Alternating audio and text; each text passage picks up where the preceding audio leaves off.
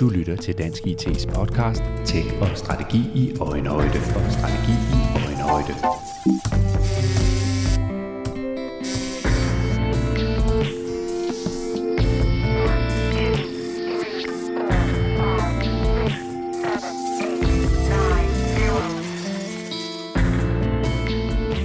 En ny Ph.D.-afhandling går i dybden med automatiseret sagsbehandling, der i stigende grad anvendes i den offentlige sektor.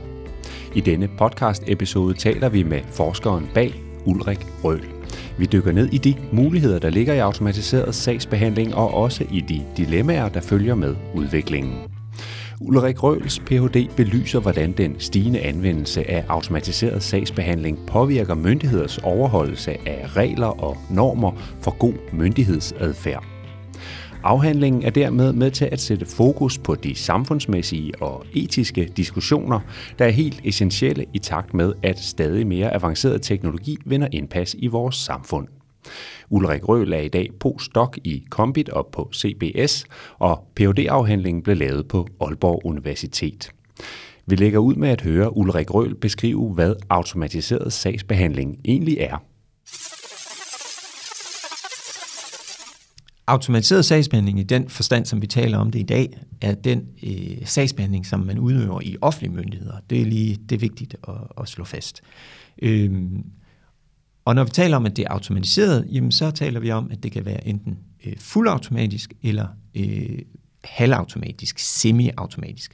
I begge tilfælde er det baseret på, at vi har et IT-system, der leverer nogle automatiseret output baseret på noget lovgivning, nogle regler osv. på et givet fagområde. Det kan være miljøbeskyttelsesloven. Og så kommer de her automatiserede output, de kommer ud til en sagsbehandler, som så skal foretage sig noget, eller også så kommer de ud i form af en egentlig beslutning, en afgørelse på, øh, i forhold til den ansøgning, eller hvad det er, vi, øh, vi taler om. Så den sagsbehandling, der i gamle dage i gåseøjne var, var, var manuel, eller hvor det var mennesker, øh, menneskelige sagsbehandlere, der sad og processerede, den kan i dag automatiseres i forskellige øh, grader, som du her øh, riser op. Og, øh, og vi har jo inviteret dig her ind i øh, podcaststudiet, Ulla Grøl, fordi du har lavet en phd afhandling om det her med automatiseret sagsbehandling og, og sammenhængen mellem øh, det og så det, vi kalder god myndighedsadfærd.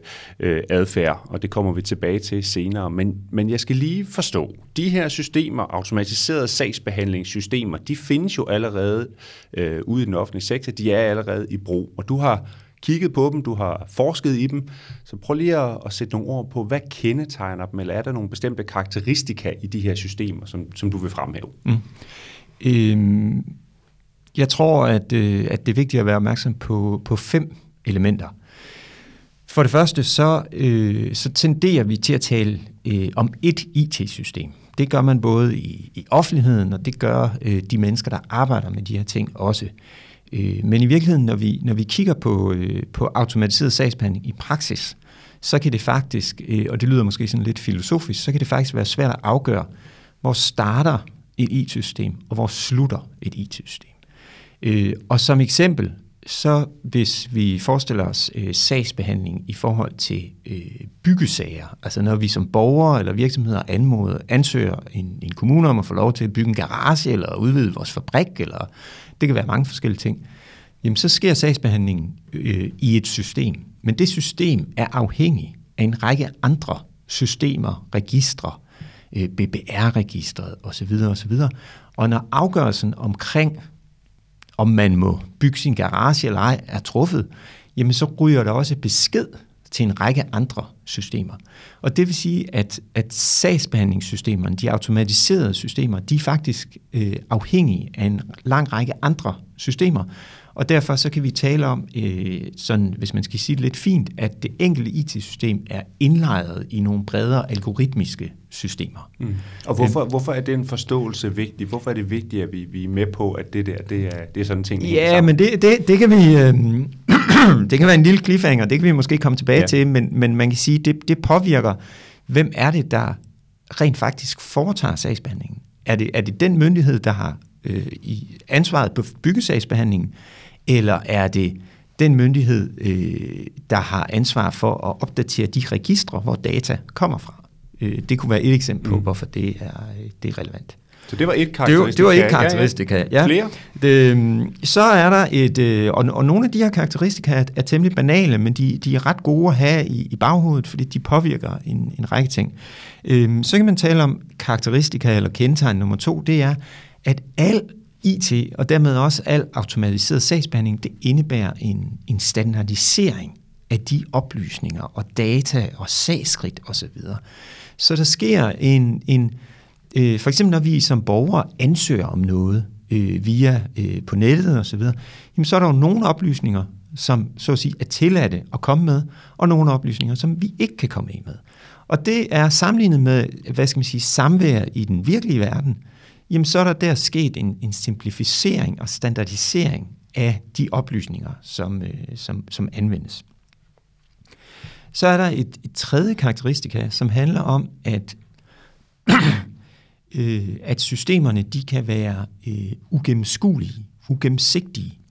De, øh, de algoritmer eller logikker, der ligger i systemerne, jamen det kan faktisk være svært for øh, os, for folk med programmører med stor indsigt osv., at se, jamen hvad, hvorfor er det lige præcis det her, det her lille skridt i systemet, øh, eller den her lille, det her lille forslag fra systemet, hvorfor kommer det op?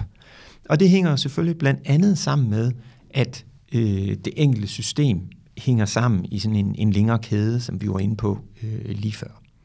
Øhm, og så, så kan man kun, øh, så bliver det kun endnu mere ugennemsigtigt, hvis man begynder at bruge sådan øh, unsupervised machine learning osv., osv., hvor der ikke er en klar øh, årsag-virkningskæde. Øh, øhm, den fjerde, øh, det, øh, det handler om øh, det, man, øh, som, som jeg tror især trives inden for sådan, øh, sådan øh, sund ingeniørkundskab, som handler om, at man kan tale om hårdt koblede eller stramt koblede systemer versus løst koblede systemer. Og jo mere vi automatiserer, jo mere går vi fra, at øh, sagsbehandlingen foregår i løst koblede systemer, hvor vi har mennesker, sagsbehandlere, der kan ligesom skride ind og sige, hov, ej, det, det ser da helt skørt ud, det her, eller øh, hvordan kan det være, at vi pludselig får, øh, hvorfor har der pludselig opstået 100.000 sager, hvor, altså indtil for nylig, der lå vi på 2.000 sager om måneden.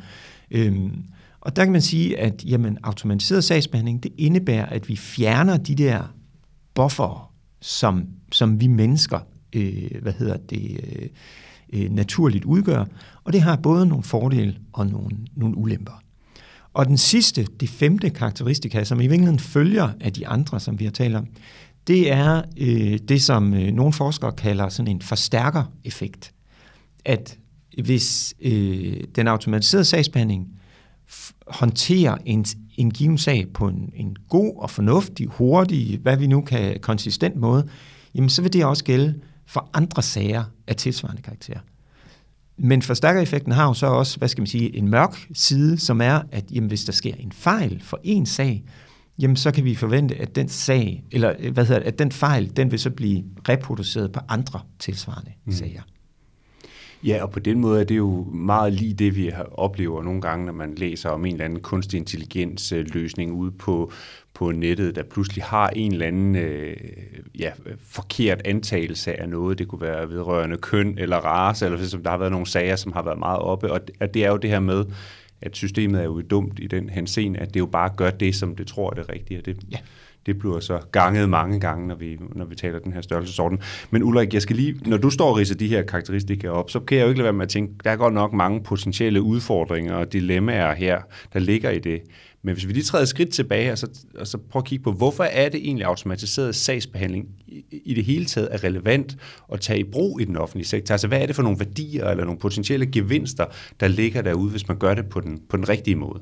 Inden vi kommer til det, mm. så, tror jeg, så, tror jeg, så vil jeg gerne udfordre lidt på, hvis, øh, hvis, hvis lytterne lige sidder og... Jeg tror, jeg tror de tør. Øh, ja. øh, og så, så vil jeg sige, at de, de fem karakteristika, vi lige var igennem før, de har faktisk alle sammen hvad skal man sige, en, en positiv og negativ side. Mm. Men vi er nogle gange også trænet lidt til at, at lytte efter, de, se, de, se glasset som, som værende halvt tomt. Mm. Så det var lige ja, det må, jeg, det må jeg give dig, det har du ja, jo ret i. Ja, Sådan er vi jo som, ja, som mennesker, ja, vi kan godt... Øh, øhm, ja. men, og, og det leder jo så ind i, jamen, hvor, hvorfor fanden er det overhovedet, øh, hvorfor er det overhovedet relevant at, at anvende automatiseret sagsbehandling i, i den offentlige sektor? Øhm, altså i øjeblikket taler vi, de her år taler vi jo rigtig meget om arbejdskraftmangel. Øh, vi taler om, det er, det, det er svært at, at rekruttere, og det er ikke kun til, til supermarkederne og til, til hospitalerne. Det kan også være nogle steder i, øh, altså på den, sådan, den, den administrative, administrative del af den offentlige sektor. Øhm, så det er sådan helt, altså, jamen systemerne kan faktisk løfte en del af, en del af opgaven. Øhm, så kan man sige, jamen, der er vel også en, en meget, meget bred, grundlæggende Øh, Øh, vi kan kalde det forpligtelse eller tilgang, der hedder, jamen, at i den offentlige sektor kan man ikke, altså der er en grund til, at, øh, at, den offentlige, at, at hjemmeplejen ikke øh, kører i hestevogn. Øh, altså, den offentlige sektor tager naturligvis i et, i et, øh, i et udviklet velfærdssamfund som Danmark, jamen så tager den offentlige sektor også ny teknologi i brug, ikke i sådan blind øh, form, i ukritisk form, men i, i takt med, at teknologien udvikler sig, og i takt med, at der opstår nye muligheder. Øhm, og jeg har... Øh, jeg har været på både som, som forsker og som, som det, som i hvert fald i den akademiske verden, man vil kalde praktiker øh, i, øh, på det her felt i mange år. Øhm, og der findes jo, det er meget, meget svært at finde mennesker i den offentlige sektor, som har lyst til at udføre opgaver, som et IT-system kan udføre mm. på lige så god eller bedre vis. Ja, for, for jeg, tænker, jeg tænker jo som borger her, jeg tænker, hvad er det, altså hvad er det for en værdi, det her rummer for mig, den udvikling, der er i gang? Hvis jeg nu skal have udvidet min øh, carport, så, så kunne en udfordring kunne være, at øh, papirbunkerne hober sig op, op på kommunen på teknisk forvaltning, og derfor så tager det alt for lang tid at få det svar, om jeg nu må udvide den. Det andet kunne være, at det svar, jeg får, at det så objektivt set korrekt, Øh, og jeg tænker, der er noget omkring det her med, at det er automatiseret, det er systemer, der tager sig af det, altså om der kan være en værdi i forhold til, at det, ja, altså, det der er, er neutralt. Ja, der er, nogle, der er nogle mere, hvad skal man sige, konkrete øh, gevinster. Øh, en, er jo, en er jo hastighed, øh, og nu skal vi, jeg tror på mange af de områder, vi kan komme ind på eksempler senere, på mange af de områder, vi taler om med, med offentlig sagsbehandling, det er nogle meget komplekse områder. Altså, det er faktisk med den lovgivning, vi har, og, og det kan man så diskutere, er det rigtigt eller forkert, men det er nu engang sådan, det er, så kan det faktisk være ret øh, vanskeligt at vurdere, øh, om en fabrik må udvide øh, sit, øh, sit byggeareal eller ej. Øhm, så så vi, skal, vi skal nok passe på med at sige, at når man det, det handler alene om teknologi. Men det er klart, at den automatiserede sagsbehandling for eksempel har en, øh, den har en hastighed i sig. Øh, vi har faktisk på nogle områder i, øh, hvad hedder det, i Danmark, jamen der er det jo sådan, at hvis man, hvis man ansøger om noget øh, til en offentlig myndighed, jamen så får man faktisk svar inden for et par minutter. Øh, det vil for øh, 10-15 år siden, der, der, er det helt, der vil det være fuldstændig absurd at forestille sig. Øh, jeg, kender en, jeg kender en anekdote fra Norge, øh, og jeg, jeg siger med vilje anekdote, fordi jeg har ikke sådan undersøgt den forskningsmæssigt, der øh, på et tidspunkt for, for nogle år siden i Norge, øh, det er nok 10 år siden eller sådan noget, der øh, fuldautomatiserede man øh, pensionstildelingen, så at sige. Og i de første år, der var flere borgere, der ringede ind til, hvad det nu hedder, i, i, i den myndighed i Norge, og spurgte, kan det, kan det virkelig passe, at jeg allerede har fået svar? Øh, end der var borgere, der ringede ind med rent faktisk mm. spørgsmål mm. til, til, til, sags, om der var, til måske var sket en fejl ja, eller et eller andet. Ja. Der, ja. Og, og det viser jo noget om, at pludselig er der en, en tempo, en hastighedsgevinst. Øh, der er selvfølgelig også en, øh, en økonomisk gevinst, som i første omgang interesserer myndighederne, men jo som øh, skatteborgere osv. kan betyde, at skatten kan sættes ned, eller kan gå til børnehaver, eller fjernvarmeudbygning, eller hvad fanden vi nu har lyst til. Øhm, og der, der handler det jo, hvis man skal være lidt mere præcis i forhold til den økonomiske gevinst, så handler det jo ikke så meget om investeringerne i systemerne, fordi der kender vi jo øh, også fra pressen, jamen IT-systemer, de kan være dyre, øh, men skaleringen, når man har et IT-system, så kan skaleringen i, i takt med, med øh, for eksempel at sagspunkten ændre sig, øh, og, og den, den, øh, den løbende sådan udgift jamen den er, væs, den er jo væsentligt lavere, end hvis, øh, hvis man forestiller sig, at der sidder øh, x antal øh, sagsbehandlere og, og foretager det. Og så, så er der faktisk også, det var du lidt inde på, jamen så er der jo nogle gevinster, så kan vi se nogle gevinster i form af øh, kvalitet, øh, og vi kan se nogle gevinster i form af sådan øh, ensartethed og, og konsistens. Øhm, og det kan vi også komme tilbage til, fordi det, er jo ikke, det kommer jo lidt an på, hvordan man anvender den automatiserede sagsbehandling. Øh, den kan både have negative konsekvenser for kvaliteten af sagsbehandling, men den kan også have positive konsekvenser. For eksempel i form af, at øh, systemet sørger for, at borgeren eller virksomheden altid får en, en forståelig begrundelse for den afgørelse, der bliver truffet som del af, af afgørelsen. Mm. Øhm, eller som, som del af sagsbehandling. Og så er der jo helt, altså, og der er vi jo så tilbage til forstærkereffekten, det her med, at jamen, den samme type sag, den afgøres af systemet på den samme måde. Og der ved vi fra et forskning, og det, det er jo ikke, altså det, det er ikke for at, at mistænkeliggøre nogen overhovedet, for det er bare sådan, vi fungerer som mennesker. Hvis man giver det samme menneske den samme opgave, jamen så vil der være en lille smule forskel på, hvordan den opgave bliver løst. Så det vil sige, at hvis, hvis vi tænker manuel sagsbehandling, jamen der er ikke samme sikkerhed for, at den samme sag håndteres på absolut øh, samme måde, som, som når det er automatiseret sagsbehandling. Mm. Ulrik Røhl, prøv lige at, at komme med et par eksempler mere, eller bare et enkelt eksempel mere. Nu har vi talt lidt om eksempelvis det her med, med carporten eller byggetilladelser, der kunne, kunne være et eksempel på automatiseret sagsbehandling, der konkret er i brug øh, ude i den offentlige sektor. Er der andre øh, områder eller eksempler, som du vil fremhæve? Ja, altså man, man kan jo sige, som, som vi startede med, øh, jeg, jeg sagde, at de her automatiserede output, de kan, de kan både, øh, altså vi kan tale om både fuldautomatisk og, og, og halvautomatisk sagsbehandling. Og når, når man har den, den brede tilgang øh, til automatiseret sagsbehandling, den omfatter begge dele, så har vi, altså man kan næsten ikke, man kan næsten ikke slå sig øh, frem for ikke at støde ind i, i automatiseret sagsbehandling i, i, i den danske offentlige sektor. Øhm, hvis, vi, øh, hvis vi starter ligesom i sådan den, den, den halvautomatiserede sagsbehandling, så øh, hvis, øh, hvis, man som, øh, hvis man er arbejdsløs i det her land, jamen så bliver man jo, øh, så har man jo sin gang på kommunale jobcentre, øh, hvor, som både tilbyder en øh, sparring og job, øh, forskellige jobtræning osv., men hvor der jo også er en, øh, det vi sådan forskningsmæssigt vil kalde en disciplinering. Altså man, kommunen sikrer sig, at man, man er til rådighed for, øh, for arbejdsmarkedet osv. osv. Og den sagsbehandling, som den her kontakt er baseret på, jamen den er sådan semi-automatiseret, halvautomatisk, forstået på den måde, at de sagsskridt og de data, som præsenteres for sagsbehandleren på jobcentret, de er styret af et IT-system.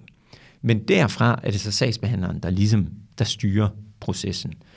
Øh, vi har også på, øh, på, det, på sådan et område for, for udsatte børn og unge, øh, som er et meget, meget kompliceret øh, område, hvor der er et væld af faktorer, øh, der spiller ind.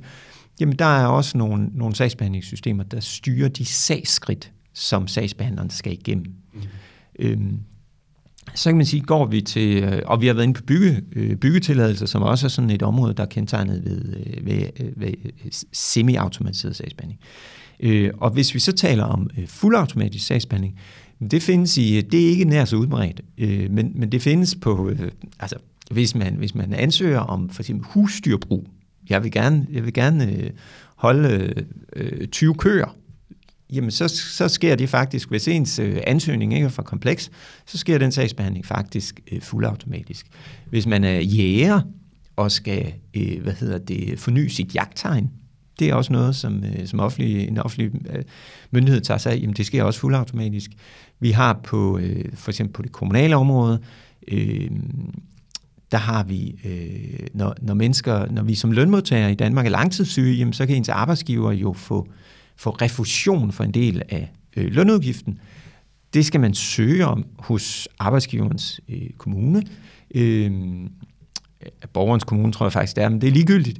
Den sagsbehandling, den sker også fuldautomatisk, øh, og der kan, man få, der kan man få svar inden for et døgn måske. Så i virkeligheden, øh, det her er ikke en en udvikling, vi taler om, kommer til at ske. Den er allerede ja. sket, og ja. den er allerede i fuld gang øh, derude. Systemerne ja. findes, og de er ja. i anvendelse i ja. forskellige grader. Øh, Ulrik, så er det det her med, at du, øh, du har fortalt mig, at når man taler automatiseret sagsbehandling, så skal man også huske at tale god øh, myndighedsadfærd. Øh, og det skal jeg lige forstå. Hvorfor er de to ting, hvorfor hænger de to ting øh, tæt sammen, og forklar også lige, hvad er god øh, myndighedsadfærd? Hvad handler det om? Ja. Øhm, nu startede vi i den, i den sådan lidt formelle ende med, hvad er, hvad er øh, afgørelsesvirksomhed osv. videre. Øhm, og, og det, som, øhm, det, som vi der taler om, det er jo faktisk, at, at det offentlige eller staten i sådan en bred forstand er inde og bestemme helt konkret, hvad du og jeg, eller en virksomhed, eller hvem du nu er, må eller ikke må, eller kan eller ikke kan. Øhm, og det vil sige, at vi, vi lever jo ellers i, hvad vi vil sige var et sådan liberalt øh, demokrati, hvor staten ikke skal bestemme det hele. Og det vil sige, når, når staten på den måde, og her taler vi altså staten i bred forstand, også kommuner og regioner og sådan noget, udøver magt over os som individer, jamen så skal vi være lidt opmærksomme. For der så er vi en helt anden samfundstype. Øhm, og der har vi i øh, faktisk i alle vestlige lande, øh, der har vi både nogle, noget lovgivning, i Danmark for eksempel forvaltningsloven, men vi har også nogle sådan lidt blødere normer for, hvad myndigheder må og, og bør, hvordan myndigheder øh, må og bør opføre sig over for enkelte individer og, og enkelte virksomheder. Og de her regler og normer, som vi vil kalde dem forskningsmæssigt, jamen de er vokset frem i virkeligheden siden den, den franske revolution. Det skal jeg nok lade med at trætte nogen med. Øh, vi har fået for eksempel i Danmark, vi har fået en forvaltningslov, øh, vi har fået øh, vi har fået GDPR, som jo også bestemmer og påvirker lidt, jamen hvad er det, det gælder så også private, men i virkeligheden også påvirker, hvordan offentlige myndigheder må bruge oplysninger om, om borgere. Og alle de her regler og normer, hvis man forestiller sig sådan en, en imaginær vippe, øh, som, hvor man har myndigheden på den ene side, og den enkelte borger eller virksomhed på den anden side, så vil det være sådan, at hvis, man overhovedet, hvis vi overhovedet ikke havde nogen regler og normer omkring god myndighedsadfærd, jamen så vil myndigheden sidde tungt nede på jorden, og vi vil som enkelte individer eller enkelte virksomheder, så vil vi dingle op i, op i luften, fordi øh, det er myndigheden, der øh, fastsætter, hvad der er rigtigt eller forkert, det er myndigheden typisk, der også har kendskabet til lovgivningen, som den her fastsættelse er baseret på. Og så har myndigheden faktisk også mulighed for i, i mange tilfælde at straffe os med, med en bøde, eller øh, fratage os en ydelse, øh, osv. osv. Og der kan man sige, at de her regler og normer for god myndighedsadfærd, jamen de har sådan set til, til, hvad hedder, til formål at sådan nivellere den der imaginære vippe, så, så forholdet mellem borger og myndighed bliver lidt mere lige. Øh, helt konkret, i, da, I den danske forvaltningslov, der står, at, at myndigheder er øh, forpligtet til at give en begrundelse, når de træffer en afgørelse. Jamen det er jo sådan en, det kan man godt se i det her sådan lidt mere abstrakte billede og tænke, Nå, men det er jo faktisk en måde, der gør, at vi som borgere eller virksomheder, når vi modtager den begrundelse, jamen, så kan vi faktisk, så har vi en bedre forståelse for, hvad det er, der er sket hos, øh, hos myndigheden. Alt det sagt, hvis vi, hvis vi i stigende grad anvender automatiseret sagsbehandling i samfundet, uden at have blik for balancen mellem myndigheden og den individuelle borger eller øh, virksomhed, så vil jeg, øh, så, så er min vurdering, at jamen, så vil vi ryge, ryge tilbage i sådan en situation, hvor den der vippe, hvor myndigheden sidder tungt nede på jorden, og, og vi dingler op i luften som, som borgere eller øh, enkelte virksomheder. Og det passer ikke til den type samfund, vi i meget, meget bred forstand alle sammen, øh, stort set alle sammen, ønsker os. Mm. Så på den ene side, automatiseret sagsbehandling øh, finder sted, er i gang. Der er mange gode ting ved det, mange potentielle værdier i det. På den anden side, vi har noget, der hedder god myndighedsadfærd. Vi har en, en, en, en flere hundrede år lang eh, tradition og et samfund, vi har fået bygget op med nogle gode grundværdier, som sikrer, at der er den her balance. Og de to ting, god myndighedsadfærd og automatiseret sagsbehandling, det skal vi sørge for, at, at den automatiserede sagsbehandling, den ikke betyder, at, øh, at den gode myndighedsadfærd, den, øh, den halter. Og, og så er, er mit spørgsmål til dig jo, det er jo så det, du også har undersøgt i din phd afhandling Hvordan står det så til? Altså, hvad er det, hvad er det udviklingen, den, øh, den har af, øh, af konsekvenser eller af potentielle udfordringer, dilemmaer, hvad det nu kunne være. Hvad, kan du prøve sådan helt kort at beskrive, hvad har du øh, fundet ud af? For det første, og når man, når man tænker over det, så er det ikke så stor en overraskelse. For det første, så kan man sige, jamen, at, at øh, automatiseret sagsbehandling kan faktisk både understøtte, altså have positive konsekvenser for den gode myndighedsadfærd, og den kan også have negative konsekvenser. Øh, vi var inde på nogle fordelene ved, øh, ved automatiseret sagsbehandling før, det her med øh, ensartethed og, og konsistens. Og, og der kan man jo der kan man sige, at jamen, det er jo en meget, meget øh, central del af sådan retssikkerhedsbegrebet og så videre, at vi som borgere skal behandles på, på samme måde som andre borgere. Der skal ikke gøres forskel. Øhm, og der kan man sige, jamen det her med automatisering, det kan, det kan understøtte det. Men øh, lytterne til de her podcasts vil helt sikkert også kende, øh, kende alle problemstillingerne med, med bias i, øh, i data. Hvis man, hvis man som myndighed ikke er opmærksom på det og anvender øh, altså skævredende data til sin sagsbehandling, jamen så kan det jo i virkeligheden også påvirke øh, ligebehandlingen, ensartetheden i sagsbehandlingen, men påvirke det negativt. Øhm, så, så helt grundlæggende, så anvendes automatiseret sagsbehandling, det er ikke et, for det første er det ikke et columbusæg til ligesom at, sådan en, en, mag, en trylleformular i forhold til at understøtte god myndighedsadfærd, men det er altså heller ikke kun en, øh, altså det er heller ikke kun en negativ faktor for god myndighedsadfærd. Du, du, du nævnte før det her med, altså, at en, en, en god tradition, eller også, en, også rent lovgivningsmæssigt, en, en, en, en rettighed, vi har som borgere, det er det her med, at vi skal kunne få en begrundelse, når myndighederne træffer en afgørelse om os som, som, som borgere eller som øh, virksomhed. Hvis nu det er en, en automatiseret sagsbehandling, og det system det er automatiseret, og det er nået frem til en afgørelse, og jeg så spørger øh, kommunen, Hvorfor, hvorfor, er det, hvorfor er I kommet frem til den afgørelse?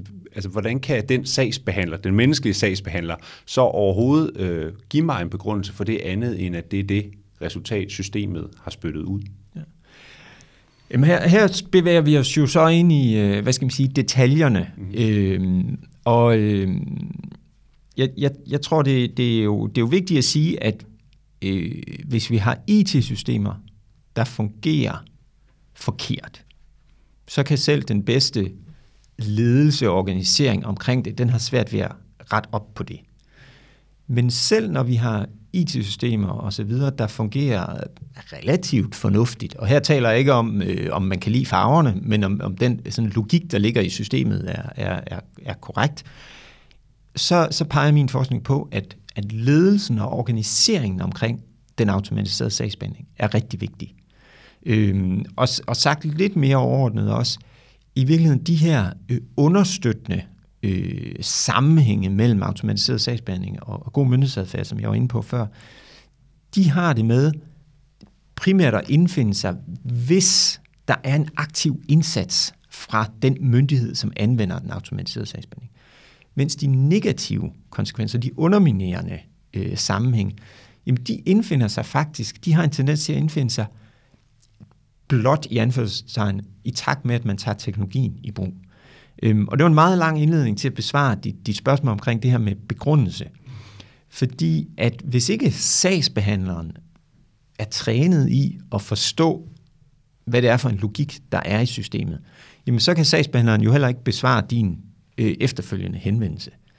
Øhm, og den træning, den, den kompetenceudvikling, øh, hvad, hvad vi nu kalder det, øh, jamen den kræver jo en aktiv indsats mm. fra, fra især fra myndigheden, men det kan også være fra fagforeninger og så videre, og selvfølgelig også fra, fra sagsbehandleren øh, selv. Så vi vi skal udvikle vores kompetencer, vi skal have, have skabt den rigtige kultur, vi skal have ledelsen i høj grad også på banen her, men alligevel, jeg kan ikke lade være med at bore lidt i det, fordi den måde, som IT-systemer jo fungerer på, og jo mere automatiseret de bliver, det er jo sådan lidt en black box, hvor det er svært at finde ud af, hvad er det egentlig, der foregår herinde? Hvad er det, der gør, at vi når frem til det resultat, vi gør? Og det der kode, de algoritmer, kan man vel ikke sidde og dykke ned i, når du kommer og spørger, hvorfor har den sagt, at jeg må udvide min carport, eller ikke må udvide min øh, carport. Det er vel, det er vel nogle data og nogle, nogle, øh, nogle elementer, der ligger i det, som, som er umulige at gennemskue for en sagsbehandler. Jamen det, det kommer jo, der, der begynder vi så også at komme ind på, jamen, øh, hvordan fungerer IT-systemerne, fordi at det, det er, det, øh, det er klart, at hvis, vi, øh, hvis man bruger, igen, jeg tror, jeg nævnte det øh, indledningsvis, sådan unsupervised machine learning, altså hvor der ikke er kontrol med årsag-virkning, jamen så, har, så er der altså dybest set ingen mennesker, der kan gennemskue det. Øh, det er ikke overhovedet noget, der er udsigt til, at vi kommer til at anvende i den offentlige sektor. Så, så derfor kommer det tilbage, de spørgsmål går tilbage til, jamen, hvad er det for nogle krav, øh, der bliver stillet til IT-systemerne? Men også øh, altså, at øh, sagsbehandlerne har en, en vis indsigt i, hvad det, hvad det skyldes. Mm. Øh, og der er, øh, der, er vi, der er vi på mange måder ret umodne. Øh, og det, det, det, det er måske ikke så unaturligt, hvis vi ser det i et historisk perspektiv. Teknologien er sådan i, i brede træk ret ny. Øh, man kan jo godt, hvis man forestiller sig en, en offentlig myndighed, og det kan sådan set være, om der sidder tre sagsbehandlere, eller der sidder 50, jamen så kan det jo være, at der er nogen af de mennesker, som er særlige eksperter i, hvor er det data kommer fra. Bare som eksempel. Ligesom vi i alle mulige andre arbejdssammenhæng har nogle, nogle medarbejdere, der er mere eller mindre erfarne på, på forskellige områder. Men, men det er, altså, øh, der er nogle af de ting, for eksempel det her med at, øh, der, der er nogle forskere, der taler om, om evnen til ligesom at, at snuse til de data, som bliver anvendt. Øh, og det skal selvfølgelig ikke forstås øh, bogstaveligt, øh, men evnen til ligesom at fange, er der noget, hov, har de her data udviklet sig på en måde, så de nu, der nu er indtrådt en, en bias, eller øh, øh, det sidder noget, noget forkert, øh, jamen det er, jo ikke, det er jo ikke noget, man bare sådan, øh, du og jeg kan komme ind på et, på et område, øh, og så, når man, så har vi den øh, viden. Men øh, der var for eksempel for, for noget tid siden, da det blev besluttet i forbindelse med, hvad hedder det, øh, stigende energipriser osv., der skulle udbetales varmehjælp til, til øh, hvad hedder det, borgere, nogle borgere. Den varmehjælp var blandt andet afhængig af de oplysninger, som ligger i det, der hedder bygnings- og boligregistret. De mennesker, der sidder og arbejder med bygnings- og boligregistret i det daglige, de ved godt, at oplysningerne i de register, de på det her område ikke er til at stole på. Men, men det, var der ligesom ikke, det var der ligesom ikke plads til, og man besluttede bare, at jamen det skal, de skal hvad hedder det, baseres på, på de her data. Og det er jo sådan set et, et udtryk for, jamen der var der så, øh, og det var så problematisk ud for sådan en god myndighedsadfærdstilgang, fordi der blev faktisk truffet afgørelser, som var forkerte. Øh, men det var jo så udtryk for, at den der at der ikke var plads til den der lugtesans i forhold til, mm. øh, til data. Så vi, vi skal udnytte de muligheder, der ligger i automatiseringen, men også samtidig have, have det menneskelige touch ind over i, i den grad. Sam, som, ja. Samspillet mellem mennesker og maskine, mm. hvis vi skal sige det sådan lidt, mm. er utrolig vigtigt. Mm. Og der øh, tilbage til, jamen, hvad, hvad, hvad, hvad, hvad, kan, hvad kan jeg sådan konkludere, hvad har jeg konkluderet i min phd afhandling der er en tendens til, at rigtig, rigtig mange af de mennesker, der arbejder på det område, og det er også, det er også overrasket mig, men, men vi, har ikke, vi har ikke fuld forståelse for konsekvenserne af automatisering. Det påvirker en lang række øh, ting i, i forholdet mellem myndighed og, og enkeltborger eller enkeltvirksomhed. Og der har man typisk måske som, som leder eller sagsbehandling eller øh, direktør i en statslig styrelse og sådan noget, jamen der har man så måske gjort sig overvejelser om, omkring et, et par øh, elementer. Men, men den fulde bredde af det der vigtige samspil mellem medarbejder og, og maskine, det er, det er sjældent, at øh, der er fuld opmærksomhed omkring det. Mm. Øh, og det gør, at der er en masse, der er en masse elementer osv., som ikke bliver, bliver diskuteret. Øh, Øhm, et af de, øhm, min forskning er blandt andet baseret på, at jeg fulgte øh, myndigheder på fire forskellige sådan, fagområder. Øh, og jeg arbejdede, øh, eller jeg blandt andet ude og følge øh, nogle sagsbehandlere i, et kommunalt jobcenter, Øh, og som sagt, i, jobcenteret, jamen der blandt andet, der, der har man sådan, inviterer man borgere ind til, til opfølgningssamtaler. Det er ikke sådan nogle invitationer, man kan sige nej til, det skal, det skal lige siges. Øh, men så øh, en sagsbehandler, som jeg fulgte, hun fortalte eller hun, hun sagde så undervejs øh, i dagen, så sagde hun, jamen jeg plejer altid lige at fortælle borgeren, hvad det er for nogle breve, vi sender. Det, så, når man er forsker, så skriver man det ned i sin lille notesbog, og så øh, der havde jeg sådan et debriefing-interview med hende efterfølgende. Og så spurgte jeg hende, Nå, men hvordan, hvordan kan det være, at du, du, gør, du fortæller borgeren, forbereder borgeren? Ja, men det er jo fordi, det vi skriver, det kan godt være lidt koldt, og, og sådan lidt, det, det er jo meget sådan formelt, øh, hvad hedder det, øh, formuleret. Og der er vi jo inde i det her med, at sagsbehandling, den automatiserede sagsbehandling simplificerer og ensretter tingene. Og det har nogle positive og nogle negative effekter. Nå, Øh, lang historie kort, så spørger jeg, hvordan kan det være, at du gør det? Fordi jeg synes, det lød som i sådan en god myndighedsadfærd, så er det, så er det fint at være lidt øh, responsiv, tilpasningsdygtig i forhold til en enkelt borger. Ja, det vidste hun til gengæld ikke rigtigt. Det var nok fordi, at der var en, der havde sagt det til, til hende, da hun startede. Og lige før havde vi vores snak om vigtigheden af, af samspillet mellem mennesker og maskine. Det her er sådan set meget lille, detaljeret, positiv måde at anvende øh, IT-systemet i samspillet med borgeren på. Det var ikke noget, der på nogen måde var underlagt en faglig diskussion øh, i det her kommunale jobcenter. Og det var ikke fordi, at jamen, alle på kommunen er idioter. Øh, det kan jeg afsløre over for lytterne. Det er alle på kommunen ikke. Der vil folk også gerne gøre sig umage, osv. osv. Men, men et eksempel på, at, at noget helt specifikt omkring samspillet øh, mellem mennesker og maskine, øh, der, var ingen, der var ingen ledelse, der var ingen faglig interesse omkring det. Og der tror jeg, vi skal blive meget, meget stærkere mm. som samfund. Skal have noget attention på det og være bevidst omkring, hvad det er, vi gør, og hvorfor vi gør det. Og en vigtig pointe her, Ulrik, er vel i virkeligheden også, at at, øh, at udviklingen finder jo sted, og du siger, at vi kører ikke rundt i hestevogn længere, fordi der er jo en udvikling, og det skal der være, både i den offentlige sektor og i samfundet i det hele taget. Og så skal man vel også passe på med at tro, at alting var perfekt i gamle dage, før der var noget, der hed automatiseret øh, sagsbehandling. Så selvom vi godt kan få øje på nogle udfordringer nu, så har, har der jo også været nogle øh, i gamle dage. Ja, øh, det skal jeg ikke. Øh, det, det egner sig mere til en, øh, en tre timers podcast, og det skal jeg nok lade med at, at, at trætte, trætte dig og lytterne med. Men i virkeligheden, nogle af de øh, sammenhæng, man kan se mellem automatiseret sagsbehandling og god myndighedsadfærd, det er også sammenhæng, og til din pointe, sammenhæng, som man kan se mellem sådan et, et helt klassisk byråkrati og så god myndighedsadfærd. Fordi byråkratier og offentlige myndigheder er byråkratier. De har altid forsimplet tingene. Der har altid været, der har man altid sagt, jamen, hvis øh, borgerne er i den her situation, så gør vi det her. Og der har tenderet til at se bort fra særlige øh, elementer. Og det her, det må man jo sige om automatiserede systemer, de kan ikke, øh, som, vi var, som vi er inde på i forhold til det her med de fem karakteristika, hvor en af dem er, er simplificeringen og standardiseringen, jamen der er ikke plads til, at Nå, men den her borger er jo vist i en lidt særlig situation på grund af bedstemorens bla bla bla. Øhm, men det har byråkratier altid ønsket at se bort fra. Det er bare en, det er en, en tendens, der bliver forstærket på grund af øh, brugen af automatiseret sagsbehandling. Ulrik Røhl, øh, vi har ikke tre timer til rådighed desværre. Det kunne faktisk være ret øh, spændende at, at dykke endnu mere ned i det her, men, men nu har vi været godt omkring, øh, hvad det er, øh, der ligger i automatiseret sagsbehandling, øh, hvordan det kommer til udtryk i konkrete øh, IT-systemer ude i den offentlige sektor, i kommuner, regioner og statslige myndigheder. Øh, du har talt lidt om de her karakteristika, og, og vi har været rundt omkring både de positive sider af det, de potentielle gevinster og værdien, og også de dilemmaer og udfordringer og, og advarselslamper, vi skal være opmærksomme øh, på for at sikre den her nødvendige balance mellem automatiseret sagsbehandling og god øh, myndighedsadfærd.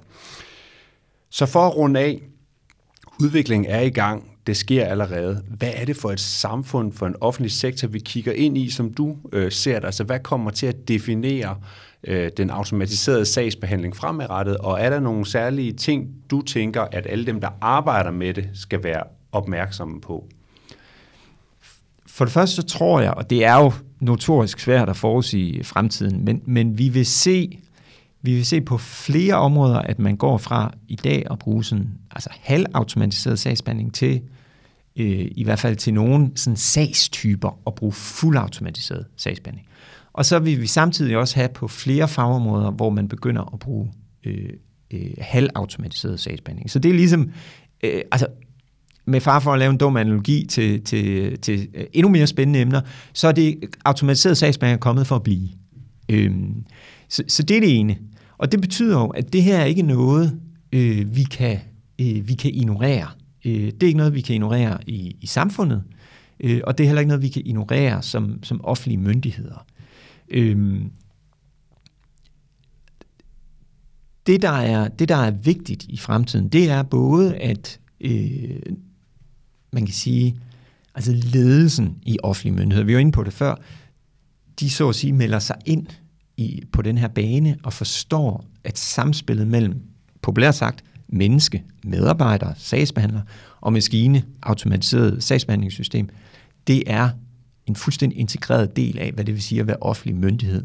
Og derfor så skal man også, det er også noget, man skal ofre opmærksomhed. Det er ikke sådan, at, øh, at man, ligesom hvis nogen af os, når vi får en ny telefon, jamen så bruger vi måske øh, en halv time, og så gider vi ikke mere på at sætte den op, og så, så, så bruger vi den på den måde de næste fem år.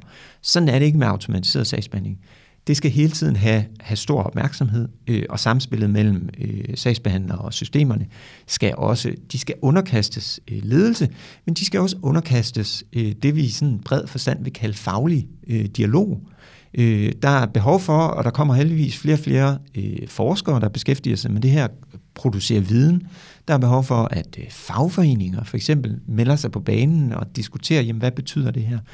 Øh, så er der også behov for, at vores øh, politikere, som jo i overordnet forstand er cheferne i forhold til, til den offentlige sektor, at de melder sig mere på, på banen og, og sætter en, en, øh, en dagsorden for, jamen, hvordan er det, vi som, øh, vi som samfund skal udvikle sig. Jeg, jeg, jeg observerer, at der er en tendens til, at vi taler om teknologi som noget neutralt, der ikke har den, den store effekt og der kan man sige, at en af, en af de helt, øh, en af de konklusioner, der står meget skarpt i min PhD, jamen det er, som jeg var inde på før, at, at anvendelsen af automatiseret sagsbehandling, jamen den har en effekt på den gode myndighedsadfærd. Så vi kan ikke, altså vi risikerer, som du også, øh, som du sagde tidligere, vi risikerer at kaste nogle af de her århundrede gamle øh, værdier over bord, hvis ikke vi er opmærksomme. Øh, den sidste ting, Jamen det er, øh, der, der, der er nogen, øh, og det, det dukker også op i, i pressen en gang imellem, at øh, der bliver talt om for eksempel, jamen vi skal have en ny forvaltningslov, der, der, tager, der for alvor håndterer det her. Øhm, og det, det kan godt være, at vi skal det.